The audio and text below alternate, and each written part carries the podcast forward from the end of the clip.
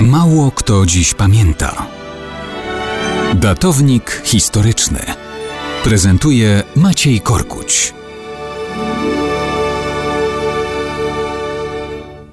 Mało kto dziś pamięta, że na wiele wieków przed pojawieniem się na Wyspach Brytyjskich germańskich anglosasów, długo przed dotarciem tam Juliusza Cezara z zastępami Rzymian, mieszkali tam i na południu, i na północy, i na wschodzie, i na zachodzie Celtowie. Mieszkali i mieli swoje konflikty, bowiem Brytania była miejscem rywalizacji różnych celtyckich ludów.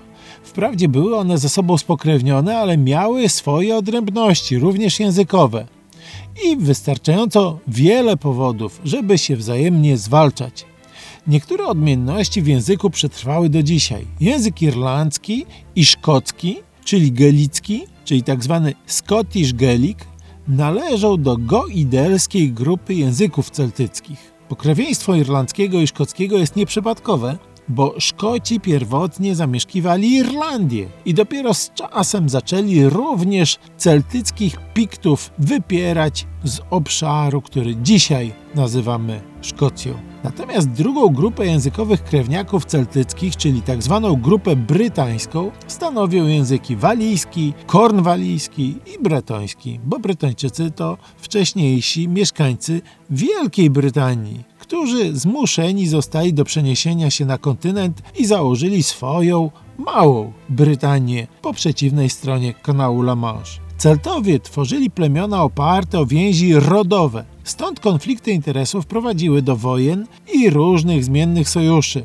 Taki stan rzeczy istniał kiedy grecki podróżnik Pyteas z Masali dotarł do Brytanii ponad 300 lat przed narodzinami Chrystusa. Taki stan rzeczy zastał Cezar, kiedy tam wylądował z legionami w ramach wyprawy, którą można określić rekonesansem. Kilka dziesiątków lat przed narodzeniem Chrystusa. I taki stan rzeczy wykorzystał cesarz Klaudiusz, który podbił Brytanię i rozciągnął władztwo Rzymu nad znaczną częścią wyspy w roku 43 naszej ery. Rzym wykorzystywał od tamtego czasu celtyckie spory i rywalizacje, zgodnie z zasadą wykorzystywaną zresztą przez niemal wszystkie imperia. Divide et impera, czyli dziel i rządź.